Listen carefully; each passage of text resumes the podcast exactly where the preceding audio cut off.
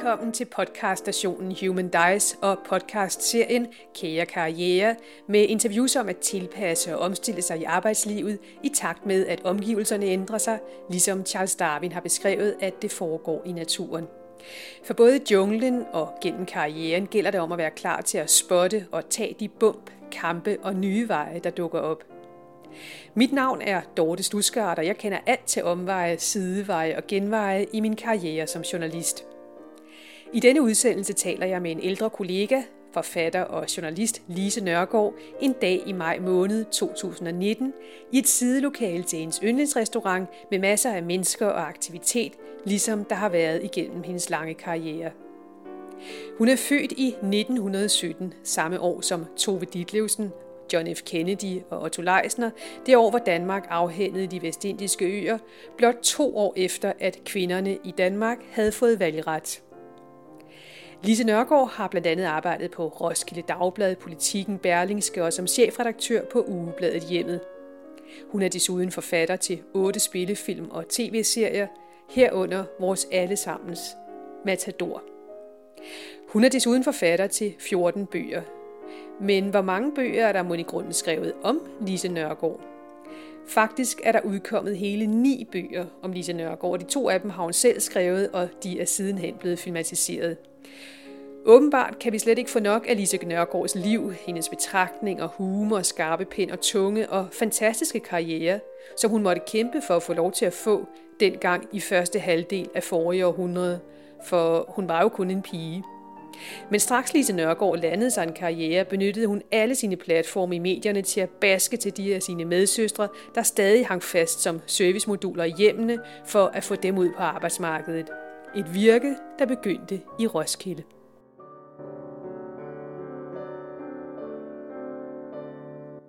Kan du huske, Lise Nørgaard, det første arbejde, du havde?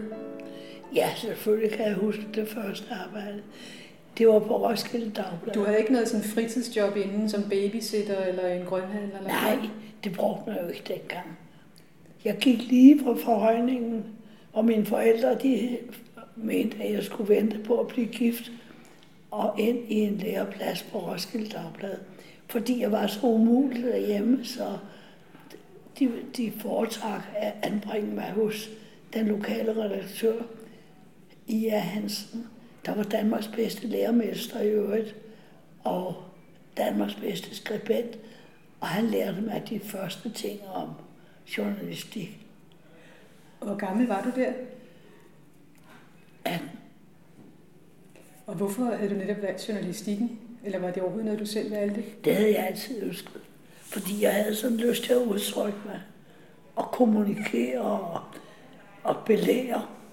Jeg, jeg var jo så klog, så jeg kunne undvære hovedet. Det er man, når man er 18 år. Så jeg kørte afsted på Roskilde Dagblad og gav den hele armen.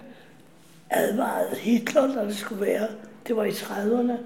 Og synes, øh, ville helst også lave op på kulturlivet. Udtale min uforgribelige mening om film og lignende. Og have det i, i det hele taget pragtfuldt. Men en redaktør, redaktør, der syntes, at jeg på alle måder skulle realisere mig selv. Det passede mig aldeles glimrende. Altså du simpelthen fik lyst, lyst til at leve alt, hvad du havde lyst til ud på den måde? Ja. Det gjorde han mest for at genere sin medredaktør, som han gerne ville have skulle sige op. Så gav han mig en række opgaver lige fra at skrive min uforgribelige mening om det ene og det andet, men også til at skrive ledere i bladet og øh, tage ud og opleve mystiske ting og øh, skrive om dem. Og øh, medredaktøren, han, blev, han holdt stand meget længe. Til sidst og fik han altså alligevel nok. Men, men faldt det der slet ikke ind, at, at du, øh, at du havde slet ikke sådan en, en ydmyghed eller beskedenhed, eller sådan, det kan jeg ikke finde ud jo. af? Eller? Pudsigt nok, så var det jo sådan, at inden jeg kom i lære, for det var mest fordi de ikke vidste, hvad de skulle stille op med mig derhjemme, der havde jeg været upræcis, og jeg havde sovet længere om morgenen, og havde været altså i det hele taget pester, en pest og en plage for familien. Og nu blev jeg pludselig præcis og mødte tidligt om morgenen og gjorde mig umage med det, jeg skrev. Min fars øh, mål her i livet var, at man altid skulle gøre sit bedste. Og nu jeg var i gang, så kunne jeg lige så godt gøre mit bedste også. Og det synes jeg, jeg har holdt, holdt fast ved hele min journalistiske karriere. Men typisk øh, så ville kvinder jo dengang være, være endt som, øh, som hustruer, og, og, og, altså, og især for den socialklasse, du kom fra, der ville du jo have skulle være hjemmegående. Øh, øh, ja, ja. Det var en idé, de havde. Hvordan ville du have egnet dig til det? Rejsesfuldt. Det ville jeg overhovedet ikke. Altså, jeg kom jo til det, fordi jeg blev gift, da jeg var udlært, og fik tre små børn. Og det var i krigstiden. Og så, jeg sad, en tid sad jeg hjemme og passede børn og kædede mig. Og jeg vil sige, at det, når jeg tænker på unge mennesker i dag, der får børn, hvor de sidder, render i møderklubber, og de lærer om børn, at sidde og tale om brækker, bøvs og blære, ikke? Så vil jeg sige, at jeg sad og læste alle klassikerne, mens børnene var små. Men så vendte jeg jo selvfølgelig tilbage til journalistikken. Og det var det, jeg overlevede på. Hvor, hvor meget af din karriere, vil du sige, har været, har været planlagt? Altså både dit forfatterskab og, og din journalistiske karriere. Hvor meget af det har du sådan planlagt, eller hvor meget af det er kommet til dig? Det har været fuldstændig planløst. Altså, øh, min store chance var, at jeg fordi jeg havde i 30'erne læst både engelsk og tysk på, inden Hitler kom til, på translatørskolen. Og da der så kom en chance for, at den liberale presse, de radikale og venstrebladene, kunne få en journalist til den besatte zone, engelske zone i Tyskland, så blev jeg udtaget, fordi jeg kunne de to sprog. Og det var jo altså en fordel, som jeg jo altså siden har haft meget glæde af. Og de artikler, jeg skrev dengang i Roskilde Dagblad, de kom altså gode, da, da politikken søgte en, en medarbejder, på, det var blandt andet på kvindestoffet, men alligevel, så blev jeg ansat. Og så gik det derfra. Men jeg tænkte på, på et tidspunkt, så begyndte du også at skrive filmmanuskripter. Var det noget med, at Erik Berling havde læst med mor bag rettet, og, og sagde, at han synes, de skriver underholdende? Nej, han sagde, de skriver i billeder. De skriver i billeder, ja. Ja, og det er rigtigt. Det gør jeg også. Men, og det, det var der jo ingen, der havde set. Det undrede mig, og jeg, havde ikke, jeg var ikke selv klar over det, indtil han sagde det til mig. Og så skrev du manuskript til... Men det var mange år efter. Der havde jeg været på politikken i en halsningsår. Og jeg havde skrevet med mor bag rettet i, omkring i slutningen af 50'erne. Og, og det var den balling, sad med i hånden, da jeg kom ud, hvor jeg kaldte ud til ham. Men i mellemtiden, der havde jeg jo været med til at gøre mig mere eller mindre uheldig bemærket ved at skrive blandt andet Carlsens kvarter. I radioen, som var et radiohørespil, der kørte. Ja. Var det hver eftermiddag? Sådan ja. et kvarter, ja. Nej, var det? Tænk, var det hver eftermiddag? Nej, en gang om ugen. Var det en gang om ugen, ja. ja. Og øh, det var Paul Hammerichs idé. Han og jeg, vi var kollegaer på politikken, og vi fulgte i meget høj grad af fordi, ad, fordi vi hørte til det underholdende team, der lavede blandt andet tekster til venstrevikingerne og bagsiden, og til at tænke sig. Alt sammen på politikken? Ja, og det, der hedder underholdende artikler, hvor Paul altså også som søndagsredaktør blev chef for. Og der sad vi og boldrede os og havde det sjovt. Og så efter Karlsens kvarter, så blev du kontaktet af Erik Berling? Ja. efter, efter bogens udgivelse blev jeg kontaktet, og så ville han have lavet en film, og han ville selv have lavet den. Men det kom han ikke til, fordi han skulle lave en musical. Det var den der, jeg skulle min egen, eller sådan noget med dig Og så kom en instruktør, der hed Dibon til, og det gik også meget godt, og alligevel. Og det sjove ved det var, at Dibon og jeg var også, blev også meget gode venner. Men da filmen var kommet, synes jeg, at den manglede noget. Og da han talte om, at han måtte lave mit andet, næste manuskript, der lå hos Erik Ballen, og jeg sagde, at det også var en musical, så sagde han, det kan jeg ikke, for jeg tonedøv. Og så gik det op for mig, hvad der er galt med den der film med mor bag rettet, at han er tonedøv. Han har ikke den der symfoniske opbygning af balladen og altså... Dramaturgien. Ja, men altså, ja ja, den går stadig. Men så kom der en tid med, Christian, med huset på Christianshavn, hvor du, både du og Poul Hammer og skrev. Så sker der det, at Nils Jørgen Kaiser er begyndt på som underholdningschef på Danmarks Radio. Jeg har altid været heldig at møde de, de, de gode lærermestre. Og Niels Jørgen, han, ville, han lavede på det tidspunkt huset på Christianshavn. Og han ville gerne udbygge et team, der havde med underholdningsstoffet at gøre. Og øh, vi var konsulenter. Der kom jeg altså med i det team. Og i mange år, så arbejdede vi sammen. Det som lørdagsunderholdningen, som var noget ganske særligt på det tidspunkt. At hver lørdag kom der den her underholdning, og så var helt, der var helt anderledes end den underholdning, man ellers havde haft. Og så var det, så var der huset, og så var der forskellige andre sådan tiltag. Og det kørte jo i nogle år.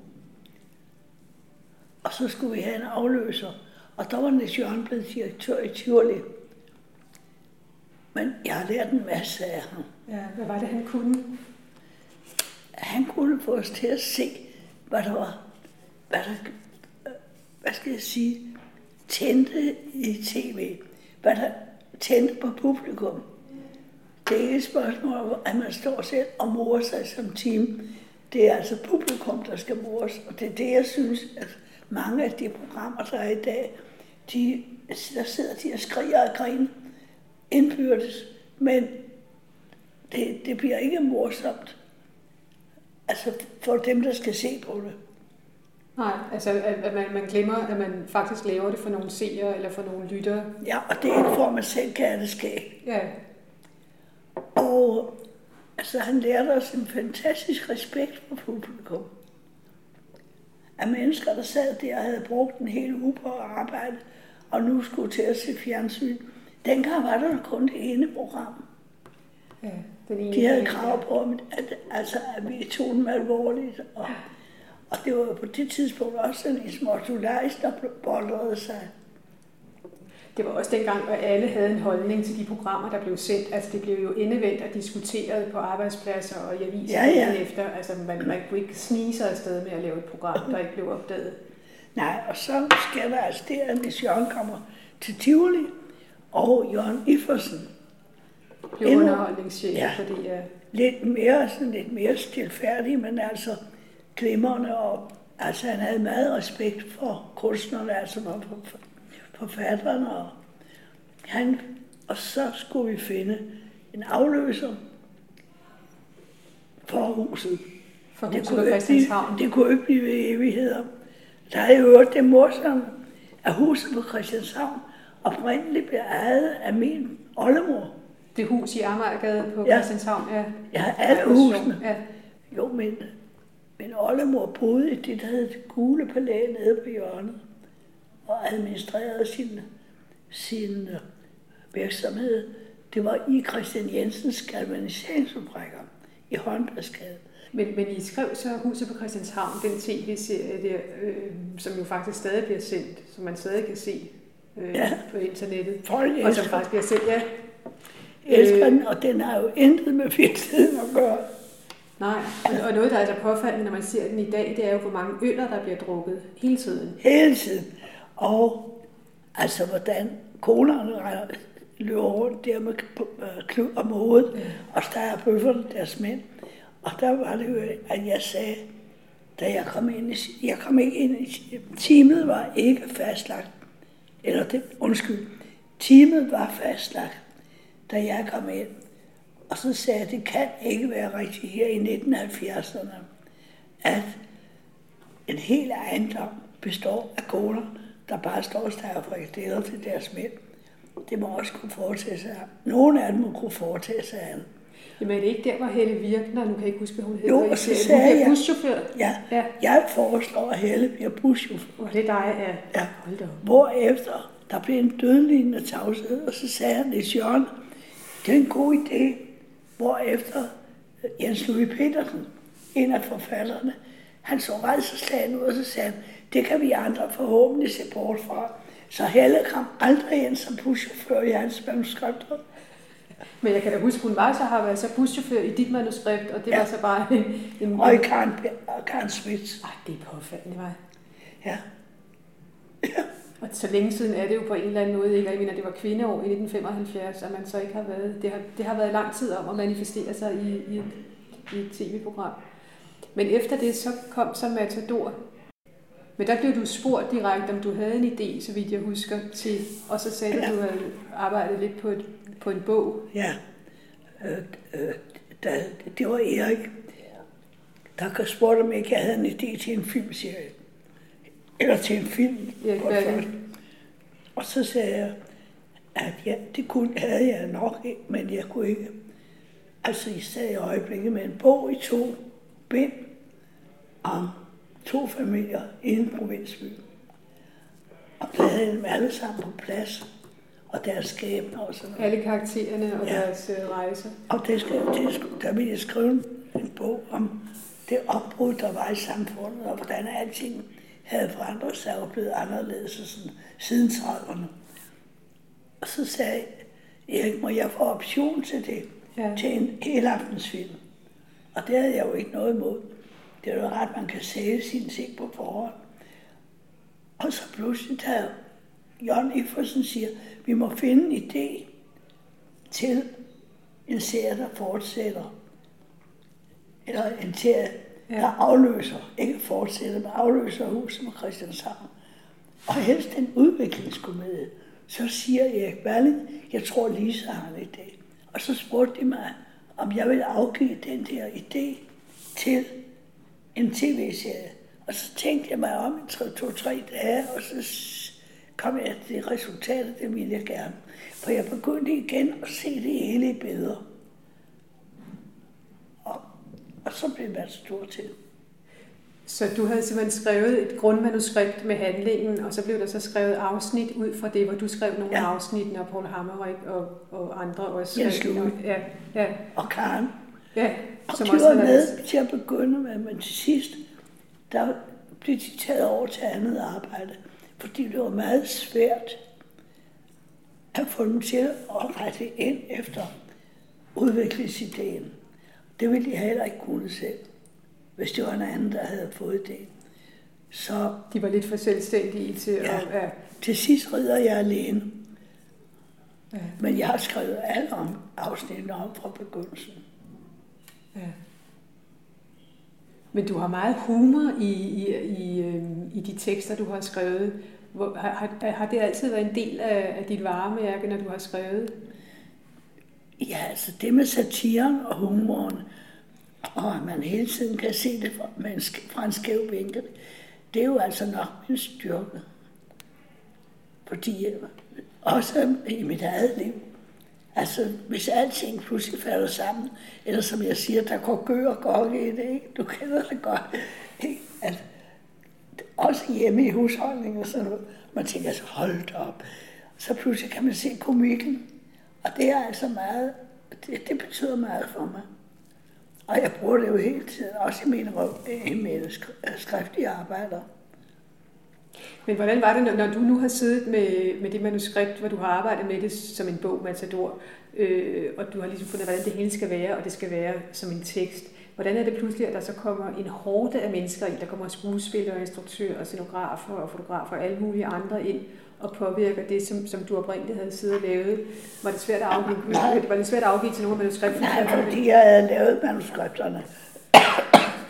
og da de andre havde afleveret deres manuskripter, sagde jeg ikke, nu, at, eller bad Erik mig om at skrive dem op, eller ikke, altså redigere dem sådan, at de kører som en fortløbende. Altså sådan, at personerne ikke ændrede karakter eller sprog eller så, lignende undervejs. Og altså for eksempel en af medarbejderne havde fundet ud af, at Agnes stjal fruens tøj. Det passede slet ikke med den skæbne, Agne skulle have senere. Så, så noget, det skulle altså køres på plads. Og ja, hvor kom vi fra? Jamen, det var, hvordan det var, at andre gik ind og blandede sig og var med til at påvirke dit Det var værd for dem for mig. Ja. Altså, de var jo gode manuskriptforfattere og, og mine gode venner. Og det var i virkeligheden kedeligt samtidig at sidde med et manuskript og blive bedt om at lave det fuldstændig om. Ja. Men det var også nødvendigt for at have det rigtige flow i historien. Men på en eller anden måde har du jo været selvlært øh, inden for manuskriptfaget. Der har jo, eller, eller har der været, hvordan har du kunne lære? Fordi jeg tænker på, i dag er det jo en uddannelse, og man læser bøger om det, og der er specielt der er sådan en Hollywood-model, man bruger, når man skal skrive et manuskript, og man skal skrive baghistorie, og der er sådan computerprogrammer, man bruger. Og, men har du sådan haft det naturligt i dig, eller har du siddet og analyseret film, du har set? Eller hvordan, hvordan, hvordan lærte du at skrive et filmmanuskript eller et tv-seriemanuskript? Det tror jeg, jeg lærte af Balling. Altså, han, altså det tekniske. Ja. Men jeg har jo været så heldig. Altså det, det der har gjort med, at Matador måske til noget særligt, det er, at vi først og fremmest havde historien fra ende til anden. Og at det var én instruktør, der kørte hele vejen igennem, i modsætning til andre tv-serier. Men også, at jeg mindes ikke, at Berling nogensinde har ændret nogen, noget i mine manuskripter. Og efter jeg havde arbejdet sammen med Berling, så var jeg jo miljøskadet. På den måde, at jeg var ikke vant til, at nogen rettede i mine manuskripter. Og det gjorde de heller ikke. Altså, jeg har lavet manuskripter i to Dirk Passer-film. Har du skrevet Dirk Passer-film også? Ja, jeg har lavet to. En, der hedder Mig og Mafiaen. Ja. Og Mafiaen, det er også mig. Og jeg har aldrig, når jeg har afleveret et manuskript, at det aldrig været rettelser i det. Fantastisk. Men, men hvordan har du lært det med dramaturgien og opbygningen? Den har du bare, den har du bare kunnet? Ja, altså man lærer jo, der er visse tekniske ting, man skal lære. Og det er, at man ikke skal begynde, når det er et filmmanuskript, og udbrede det til flere verdensdele. Man skal altså finde ud af, hvor tingene foregår. Altså, at økonomisere med, at man ikke skal, altså hvis grisehandler Larsen for eksempel, bare for at tage et eksempel, er grisehandler. Det kan jeg huske, at Ekstrabladet skrev, det var Klaas Kastholm Hansen, der var efter, øh, efter Matador. Og så var efter alt og alle den mener. Ja, der var han i sin Lenin-periode, Lenin eller alting. Og der skrev han, at at der, der, det, det urealistiske med Matador var, at man aldrig havde set, været på torvet og se Larsen sælge grise. Og hvad skulle man på torvet for, at man altså kunne vise hans grisemorgen?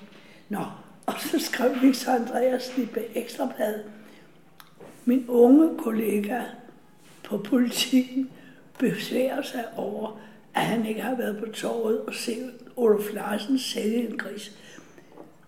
Jeg kan gøre mig opmærksom på, at man heller aldrig har set Jerusalems kummer sælge en sko. Sådan noget, der skal, samtidig læse man noget, der var morsomt. Nå, men altså det der er, og økonomisere, men der er jo også noget med opbygningen af karaktererne, og men det har du, det har du, det har du kunnet som håndværk, og er selvfølgelig ja. blevet bedre undervejs. Ja. Jeg vidste når jeg ville hen med de der personer, og hvordan de skulle ende.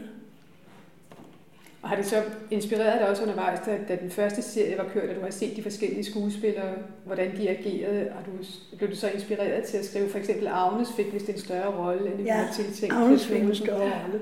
Og også røde, faktisk. Og øh, hvad, hvad skete der ellers? Der var også en andre. Er det noget, der ærger dig i dag, når du, når du ser, eller noget, du tænker, du ville have gjort anderledes? Eller? Nej, små ting, Ja, som jeg siger. Der skulle vi lige have haft det og det. ja, Men altså, det er sådan ja. efterrationelt. Ja, klart. Men, men har der nogensinde i, i hele din, din, din lange, lange karriere, hvor man siger, har der nogensinde været nogle tidspunkter, hvor du har tænkt sådan, "Au, hvad skal jeg lave nu? Eller, Nej. Ja, nej. Jeg har altid haft nok. Jeg har aldrig været nødt til at sidde og skrive noget, som jeg ikke var inspireret til, og som jeg ikke havde samlet sammen i hovedet. Fordi jeg havde jo også mit journalistiske arbejde, som kørte sidelæns med mine tv-produktioner og sådan noget. Men har det ikke været en stor fordel for dig at kunne veksle mellem, mellem Jo. de her? Hvordan, hvordan har det været en fordel? Det var en fordel, fordi jeg fik brød i skuffen, ikke? Blandt andet. Jeg behøvede ikke... Altså, det, noget af det forfærdeligste for forfattere er, at de, hvis de har succes med en eller anden ting, hvad man meget, meget let kan have til at begynde med, så kan man blive udråbt til geni, til geni og sælge 30.000 bøger, og så tænker man, nej, det kan jeg leve af resten af mit liv. Jeg må bare finde på noget nyt. Det er en dårlig idé, hvis de siger deres arbejdere. Altså fast arbejde, det er en udmærket ting for en kunstner. Og vel også for et menneske i det hele taget, at Ja, have det fællesskab. Men det der faste arbejde, som holder kunstneren i forbindelse med det virkelige liv og giver brød i skabet, så at han ikke sidder og bliver bitter og går med i protesttog mod, at kunsten ikke får penge nok. Altså, det, det synes jeg er udmærket, at, at han har noget andet at tage sig til, mens han opdager en ny idé. Altså undervejs, fordi man har jo stoler, hvor man kan sidde og filosofere over, hvad man nu behøver, har lyst til at lave. Man hele tiden skal jage, altså pludselig har opgivet sit faste arbejde, sin faste indtægt, for at jage efter en idé, der måske er knap så god som den forrige, og en udformning, der heller ikke er så god, så er man på den. Det er et godt råd. Jeg kan rigtig godt følge dig, ja. Øhm, men der er jo mange, der mener, at man bliver en bedre kunstner af udelukkende at fokusere på at udtrykke sig selv, ikke? Eller at det kræver den Har du ikke? set nogle af dem? Hvad? Altså, Panduro havde jo, Ja, han var tandlæge, ikke? han var tandlæge og havde det. Og da han endelig begyndte det, havde han altså også gennem, øh, så meget gennemslagskraft, at han kunne leve af det. Ja. Han opgav det, her- han stod ikke og borede, altså, han borede ikke en tand for meget, men heller ikke en tand for lidt, før han begyndte at kaste sig ud på det frie marked. Og med en stor succes, kan man Ja, og hans kone begyndte, stod stadig og borede efter. Ja. Men øh, jeg, jeg kommer til at tænke på, hvis, hvis du som 10-årig eller som 18-årig havde kunne se den karriere, der, der ville øh, strække sig ud over hele dit liv, ville dit hoved, hvad ville du så have tænkt? Det ved jeg ikke. Men hvis nogen som 18, havde sagt til mig som 18-årig, at jeg ville blive berømt, hvad jeg er jo nødt til at indrømme, at jeg er blevet, så ville jeg have sagt, kan det ikke blive i morgen? Jeg var vild efter at blive berømt. Jeg var villig til at danse ballet, eller spille tennis, eller hvad som helst, bare for at blive berømt. Så du kan se, Det er jo sjovt, fordi i dag taler man så nedsættende om unge mennesker, som gerne vil være på og gerne vil være berømte. At, at det, sådan må man ikke have det. Men sådan havde du det, og det, det Nej. står du ved. jeg ville sandelig gerne være berømt. Og hvis jeg sagde det til mine forældre, så slog de syv kors for sig. Men hvor lang tid tog det, før det lykkedes dig så? Hvor gammel var du, før du blev berømt? Før du blev et navn? Det var, da jeg kom på politikken, der gik det temmelig hurtigt. I to år, i 32, 52, 49 kom jeg på politikken, og da der var gået en 3-4 år, der var jeg ikke berømt, men kendt. Ja. så, så dit navn, det var... Ja, sådan at jeg blev, fik opfordringer til at være med på forskellige teams. Har du nogensinde haft noget, nogle fiaskoer, eller er du simpelthen bare gået fra succes til succes? Jeg har lavet noget for forskellige drama. Et, øh, et skuespil til en enakter til Holger Juhl Hansen. Som spillede Havanes i Matador. Ja, og han, han gik fra det kongelige teater. Der ville han godt have rejse rundt med en forestilling. Og det hed Træk stikket ud. Der handlede om en syngende skuespiller. Og det, altså, det, det fik ikke rigtig gode kritikker. Men det gik godt. Og så skrev jeg et øh, spil, der er et jule, en juleforestilling til Aarhus Teater, der hed Hjælp det jul. Og den, den gik heller ikke så godt. Altså, der synes jeg, det var med, i høj grad instruktøren, der ikke var spor engageret. Og når jeg spurgte ham, det var sådan en finere instruktør, der havde altså lavet alt muligt andet intellektuelt. Og når jeg spurgte ham, hvordan har du det? Så jeg er ikke helt ulykkelig. Og det lyder jo ikke godt. Det lyder ikke godt. Men jo, der, der kunne jeg godt have tænkt mig, at jeg var mere heldig. Men jeg, var ikke, jeg blev ikke rakket ned. Altså, jeg, jeg fik ikke sådan altså rigtig... Men er du god til at tage, et, øh, tage det, når det ikke lige er blevet så, så fremragende modtaget, eller så fremragende, som du selv ønsker? Eller man, går det må man jo altså, det må man være forberedt på. At når man stikker snuden frem, må man også finde sig i at få, noget, få nogle slag over den. Og øh, så får man pudsigt nok meget forskellige anmeldelser hele tiden. Det må du også selv være klar over. Altså, nogle er øh, forbeholdende, nogle er begejstrede, og nogle er sådan helt nede i skuffen. Og jeg har altid haft det sådan, at dem, der var helt nede i skuffen, dem smed jeg ud og ned i papirkurven og glemte alt om dem. Og det synes jeg, det var praktisk. Så gik, nagede det mig ikke mere. Nej.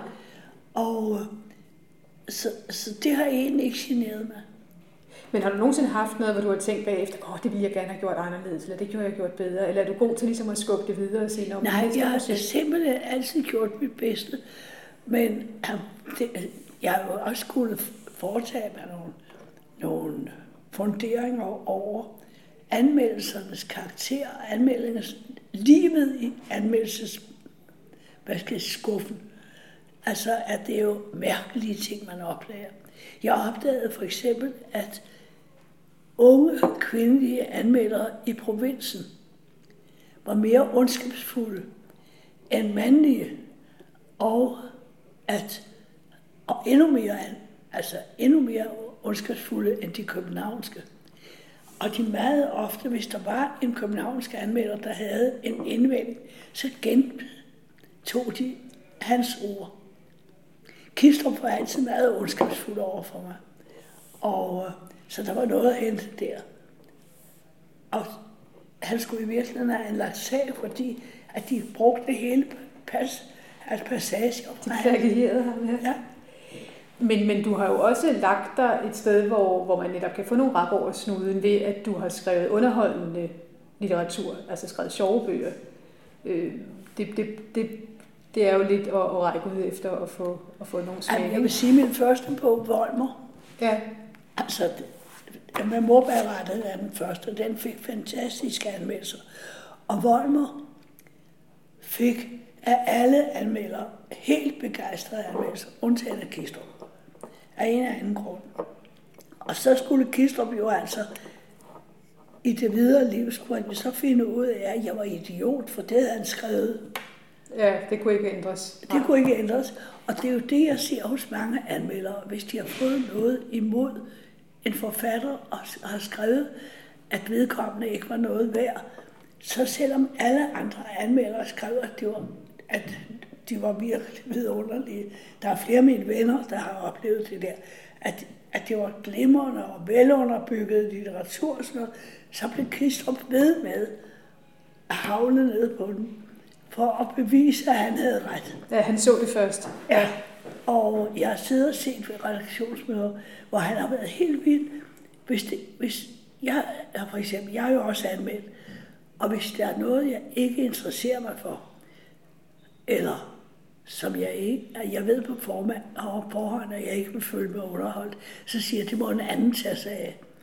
Men Kistrup var vild, han sad og hoppede i stolen som en lille dreng, for at få de bøger til anmeldelse, så han kunne videreføre sine meninger om, at det var idioter, der havde skrevet dem. Altså, det, jeg ved, det må være et frygteligt kompleks at have. Ja. Men, men tænk, at du har haft så, så lang en karriere, ville du have gjort noget? Altså, jeg tænker, du har jo så som 18-årig været enormt utålmodig. Jeg tror, du havde været mindre utålmodig, hvis du havde vidst, hvor ufattelig lang en karriere du ville få. Det tænkte jeg aldrig på. Nej. Jeg troede aldrig, jeg døde dengang. Det gør jeg åbenbart heller ikke. Men på en eller anden måde er du stadig erhvervsaktiv, kan man sige. Altså alene det, du sidder og bliver interviewet her nu, ikke? Jo, det kan man godt sige, at det er erhvervsaktiv, men jeg holdt op med at skrive. Jeg begyndte at skrive på et eller andet her for fem år siden eller deromkring.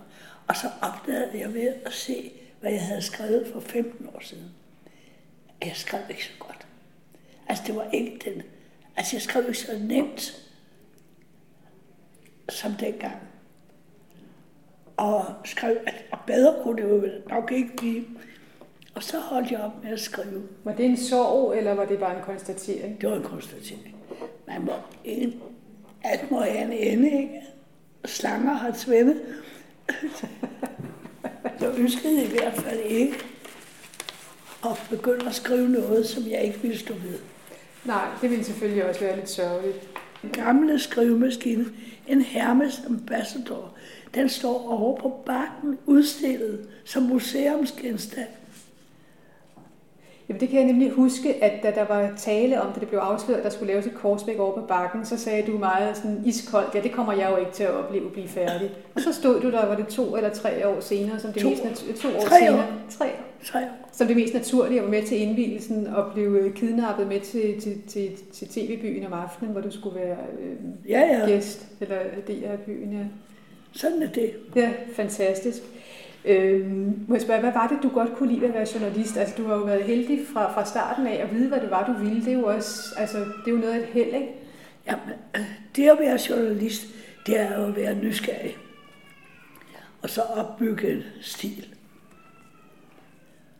Og øh, så der kan jeg godt sige, at da jeg var ung journalist og kvindelig journalist og kom til København, der var vi et hold af kvindelige journalister.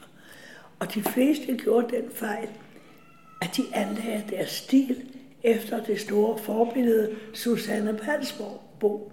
Hun var en vidunderlig journalist. Altså meget hyggelig og kærlig og indsigtsfuld og tolerant og alt muligt. Var det hende, der skrev bag på politikken? Susanne skriver hver dag. Ja. ja. det synes jeg som barn var utrolig kedeligt, fordi hun skrev altid om en fugl udenfor eller sådan et eller andet. Men der har hun måske været en ældre, lidt kedelig dame på det tidspunkt. Jeg kan nemlig huske, det undrede mig, at hun skulle have lov til at skrive der hver dag. Det synes jeg var meget kedeligt. Nej, men hun var jo simpelthen så... Hun var jo simpelthen... Det var bag på Berlinske. Var det Berlinske, ja. ja. Hun havde en, et glimrende sprog. Hun havde en mild og elskelig tone, der gik i sådan i, hvad skal jeg sige, i hak med tidens kvindelige forestillinger selvom hun næppe selv har haft de samme. Men altså, hun, hun var meget over hendes reportager, når hun rullede sig ud der, var hun utrolig dygtig. Og jeg holdt meget af hende. Jeg har nok kun læst hende i hendes senere år. Så, men, men du har jo haft en sikkerhed, eller du har jo haft fat i dig selv på en eller anden måde, og, og, og, og fundet din stemme meget tidligt. Er det ikke rigtigt? Jeg synes, at hun var for sød. Ja. Du ville ikke være sød? Nej, for der trængte kvinder, der skulle et ordentligt med krabasken for at komme ud af røret. Men altså derfor jeg holdt vi meget af hinanden, Susanne og jeg, og lige til det sidste. Men vil du fortælle noget om den stil, din journalistiske stil, hvad der ligesom kendetegnede dig, eller hvad du ligesom havde blikket stift rettet mod? Det har nok noget at gøre med, at hvis man vil ramme folk, skal man kunne skrive underholdende. Og, altså, og det at bruge, anvende en ironisk distance, det gør, at en stof bliver mere læseværdigt end sådan kedelige konstateringer af hver art. Men det har du også meget i forhold til dig selv, en vis selvironi, er det ikke rigtigt? Jo. Jamen, jeg har også et ironisk forhold til mig selv. Altså, altså, der er forskellige former for humor, jeg elsker. Blandt andet den engelske humor, og så selvfølgelig den jødiske, hvor man overlever alt bare ved altså humoren. Det er utroligt. Og men den har du også været dygtig til at snige ind i, i uanset hvad du har lavet, har der jo været humor ikke? Ja. Som, som et hjørnesten. Ikke? Ja, jeg tror, det er et syn på, på al uretfærdighed og, og skaberi. Og der har jo altså været meget grund til den der livsstil, vi har haft, at, at bruge ironien mod tidens skabagtigheder. Og dem er der ikke blevet færre af? Nej. Og det er jo interessant og, og festligt, og, og, altså hvis man kan se komikken, det, er, det synes jeg er et væsentligt spørgsmål. Bliver du bedre og bedre til det med alderen, eller har det været stabilt altid, vil du sige? Det har altid været der, men, men og det, jeg har det stadig, det der, jeg kan se komikken. Når jeg har fortalt øh, kvinder, og især yngre kvinder, jeg skulle interviewe dig i dag, så har de alle sammen sagt, øh, altså uden undtagelse, og også meget unge kvinder, at de, jeg er kæmpe fan af Lise Nørgaard. Gud fader Jamen er det ikke dejligt? Jo. Men jeg tænker på, at du har jo altid haft sådan en, en stemme for kvinder, og en loyalitet, og for, fortaler for, for kvinder skulle, skulle frem. Øh, er det sådan et bevidst valg, eller har det bare ligget naturligt for dig? Det er et bevidst valg. Og hvordan kom det? det kom øh, i, i forskellige faser. Jeg tror egentlig første gang, at jeg skulle have været en dreng. Og så kom min søster, hun skulle også have været en dreng. Og så kom min bror endelig, og der blæste de trompeter.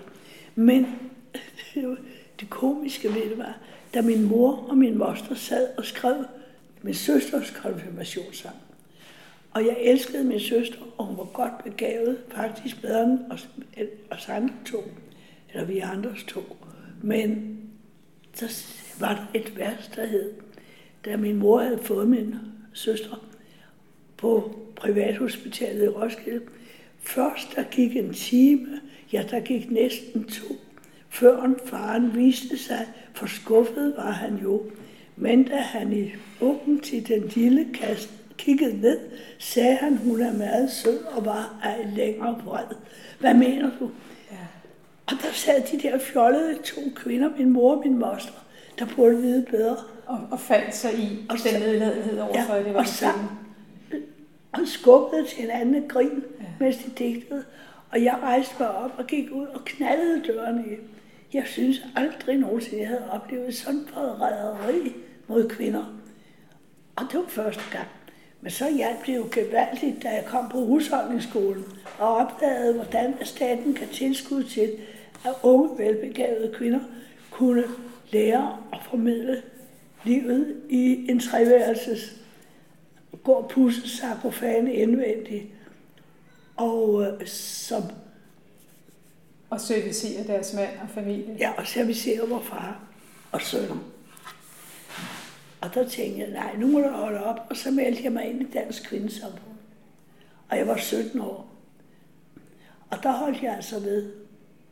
Og besluttede selv at få en karriere, få en uddannelse? Ja. I stedet for det, du har bestilt? Det her bør, jeg tænkte, det her bør der skrives om. Og det kan du kun gøre ved at blive journalist, og det gjorde blev jeg så.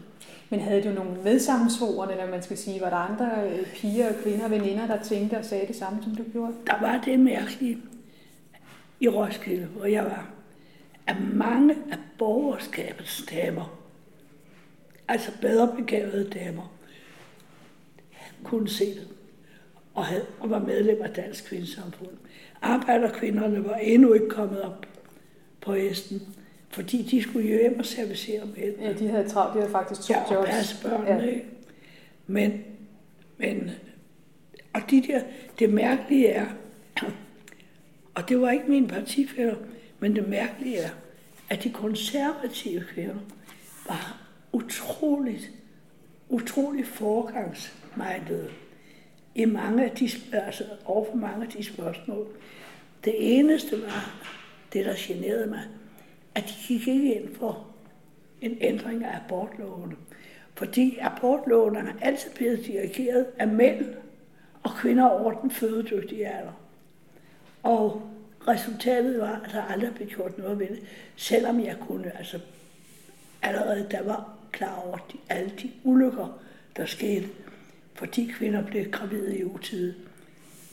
Og det kan man også se lidt om i Emassator. Og jo, og det, men de konservative kvinder har gjort, det må man lade dem, har gjort en stor indsats i begyndelsen af kvindebevægelsen fra den tid.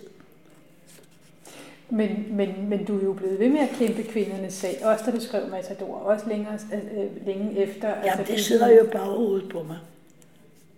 At, altså, men man kan jo heller ikke skrive Matador, der handler om et tidsafsnit fra 39, 29 og til 47, uden at ændre kvindernes indstilling, altså Elisabeth og andre, ja. altså at, be, at påpege deres, deres magtesløshed også. Ja, og sæderne, og, og, og hvordan, hvordan deres, deres retning også var stået ud fra starten af, ja. og hvordan de ikke kunne stikke af fra den.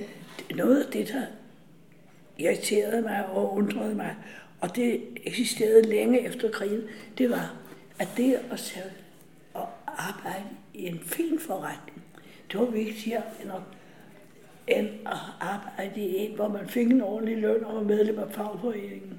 Altså, det var ikke så fint at arbejde i deres varehus, fordi altså, der var jævne kunder, som det var at komme i Ilums bolighus. Var de fine, de der var et af de fine steder. Og der kunne man arbejde for jo en slik, fordi der gik man jo for fin. Ja. Og det fik de altså æren og festen og æren, men ingen penge for. Ikke ret mange penge for, men de var finere end kollegaen, der stod i deres varehus. Og det har jeg altid synes var så komisk.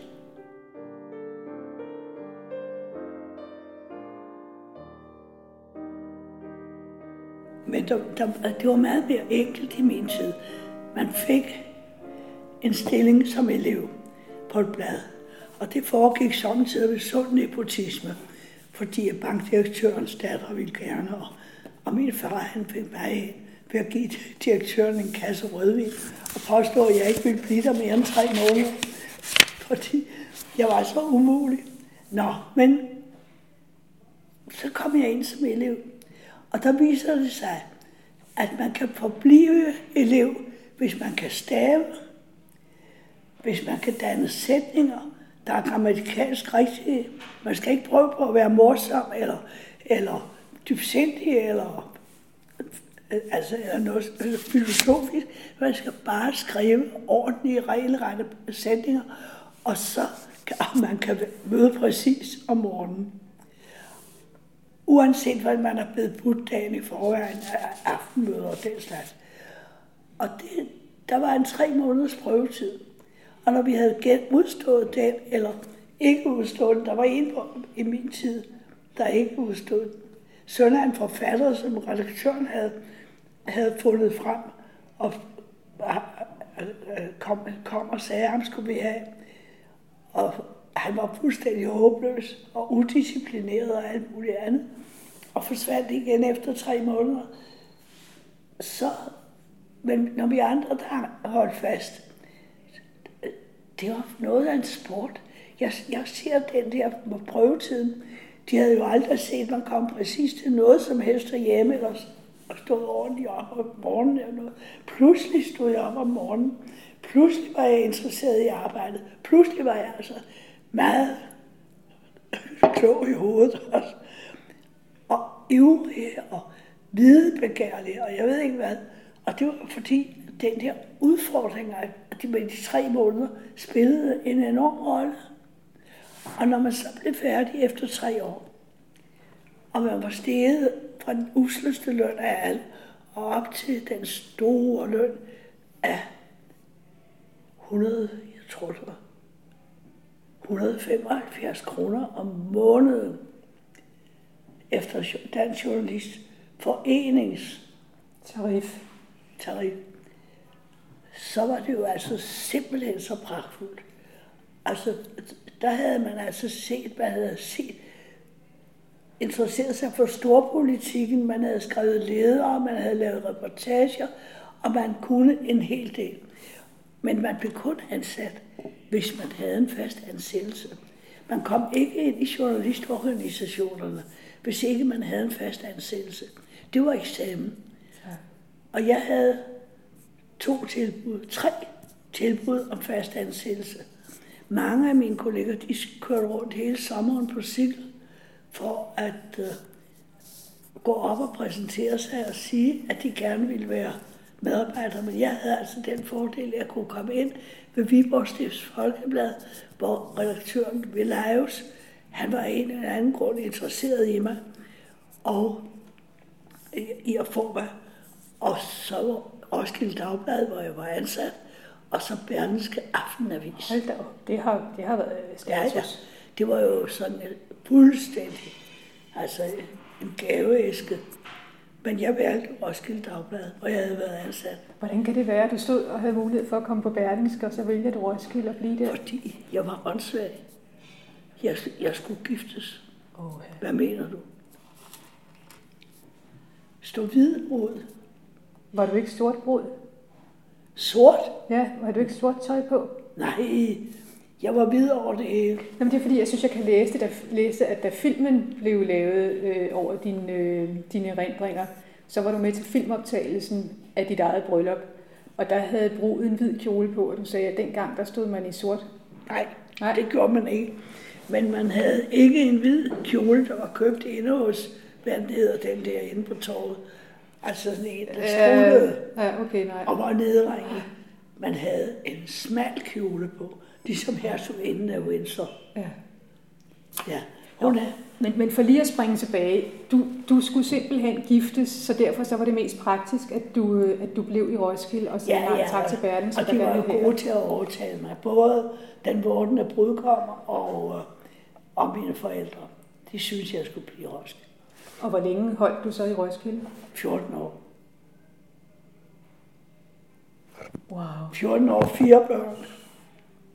Og hvordan, hvordan kom du så fra, fra Roskilde og til København, havde jeg sagt? Ved du hvad, jeg begyndte at tænke på? Altså på Roskilde Dagblad var der egentlig ikke nogen heltidsstilling til mig på det tidspunkt. Og dog, altså, de ville godt beholde mig på en eller anden måde.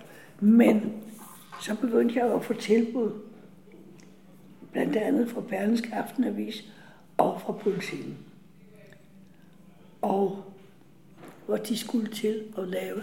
Man var begyndt at tænke på, at det, var det måske var en god idé at lave forbrugerstof. Og der havde jeg lavet en side med hver uge på Roskilde Dagblad, så de solgte matrisen til andre dagblade. Og jeg fik næsten ingenting for det. Og det havde man lagt mærke til. Og så havde man lagt mærke til mine Tysklands øh, reportager i fra 47. 46 havde man lagt mærke til. Og øh, Så blev du det, man kalder headhunted. ja, og så sker der det morsomme, at jeg får at vide fra mine venner på politikken, hvor jeg havde fået tilbud, men aldrig fået svar, altså fået, fået endelig svar, at man prøvede, håbede i stedet for at kunne få Susanne.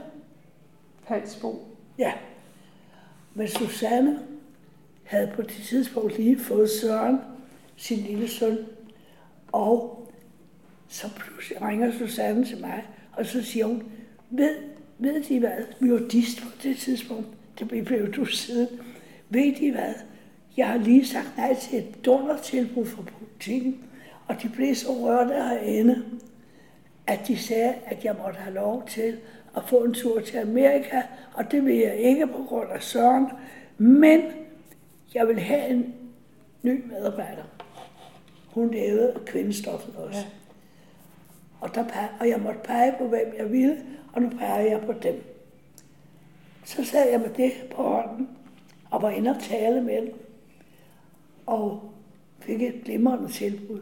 Hvorefter, da jeg kom hjem, der lå der en besked fra politik, hvor jeg havde ringet ind og sagt, at jeg havde fået et tilbud fra Berdenskaften.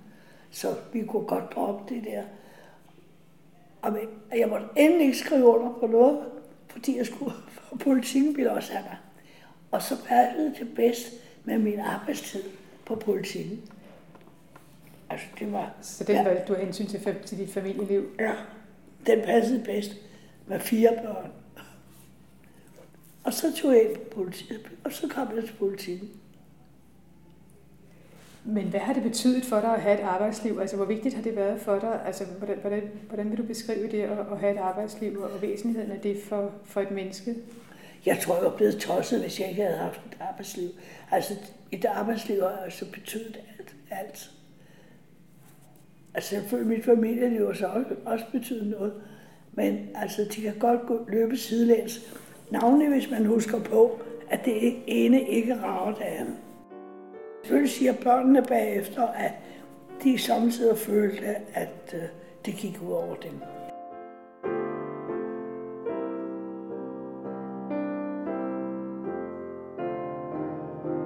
Jeg læst på et tidspunkt noget forskning omkring folk, der bliver øh, meget gamle, at øh, jo ældre man bliver, jo mere øh, jo bedre bliver ens humør på en eller anden måde, eller ens taknemmelighed. Altså man bliver et lidt man bliver lidt, lidt gladere menneske måske, end man har været. Altså mindre sur, det rigtigt? Det vil jeg ikke sige.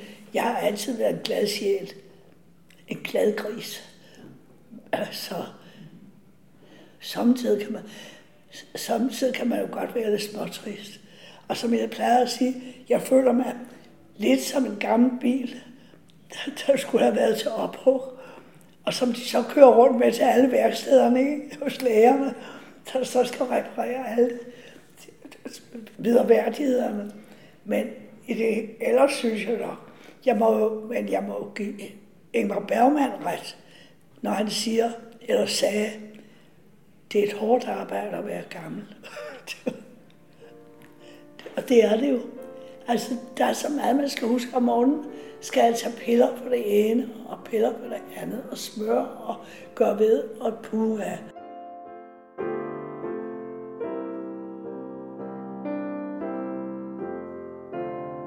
Det, der gør mig lidt ked af det samtidig, det er at se Norge-båden gå forbi hen på eftermiddagen. Der, hvor jeg bor, der plejer man at gå ud og tage en drink på altanen, hvis der, det er værd til det, ellers bliver man siddende inde. Og den, det er den, der går til Norge. I skisæsonen særligt, for der kørte, der, jeg stod jo på ski i flere uger til sidst. Til jeg var 92, kunne jeg stå på ski. Og da jeg gav min gode finske ski med aluminiumskanterne på, væk, da jeg var 92, der græd jeg. Næsten. Altså, det var sørgeligt. Og når jeg ser den der båd, så tænker jeg, hvorfor sidder du ikke der endnu? Og så noget andet, jeg spillede tennis, og det må have været til jeg var 89. Og det savner jeg jo også. Savner du dit arbejdsliv? Nej, pludselig nok ikke så meget.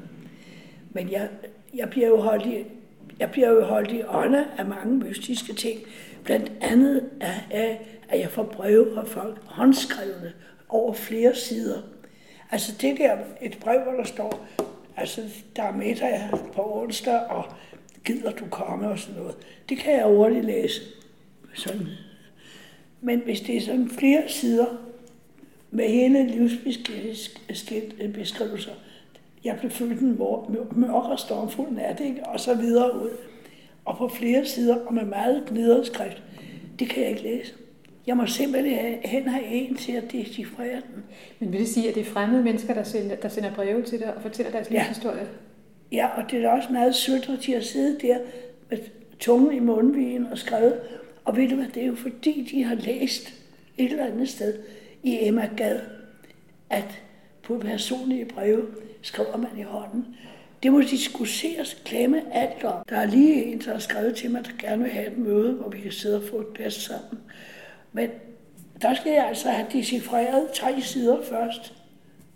Det er simpelthen folk, der gerne vil møde dig, eller har en ja. god historie, som de Ja, kan... eller også vil de have, at jeg skal hjælpe dem med at få udgivet en bog, eller også vil de bare sige, om jeg vil sende et, en, en autograf.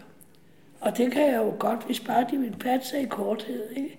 Men så den der autograf, så er der forleden dag var der en, der havde, vil du sende autografer til, og så kom til mig, min kæreste, min ven, min far, min fars veninde, så kom der sådan 10 navne, jeg skulle skrive af, og så skrev jeg, jeg er altså ikke nogen autograffabrik.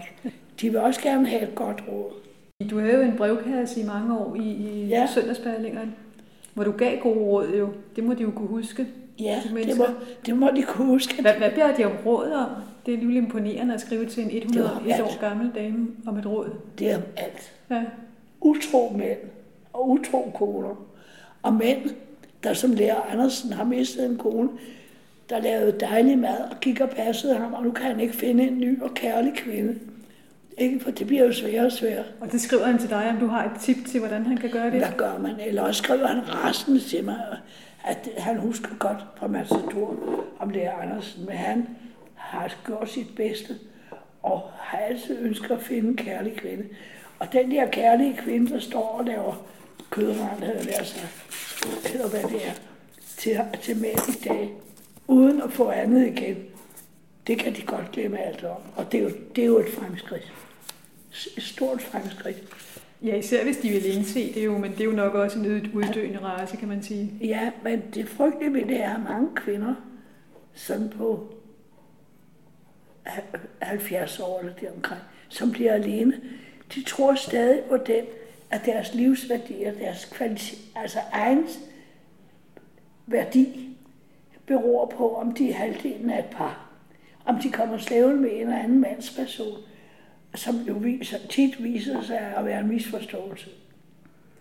Altså samtidig viser konen jo også at være en misforståelse for mændene. Ja. Men der er, det, der er det jo heldigvis blevet nemmere. Er der noget, du gerne selv øh, har lyst til at, at sige? Noget, der ligger der på scenen? For ja, om folk vil være venlige ikke at sende mig håndskrevne breve. så med den opfordring, så vil vi slutte her.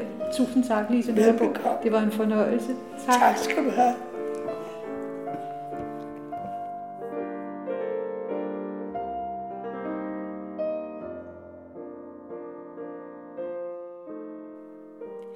Det var alt fra Kære Karriere for denne gang. Næste afsnit er med komponisten Nikolaj Benson.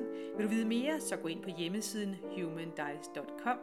Mit navn er Dorte Stusgaard, og vi høres ved.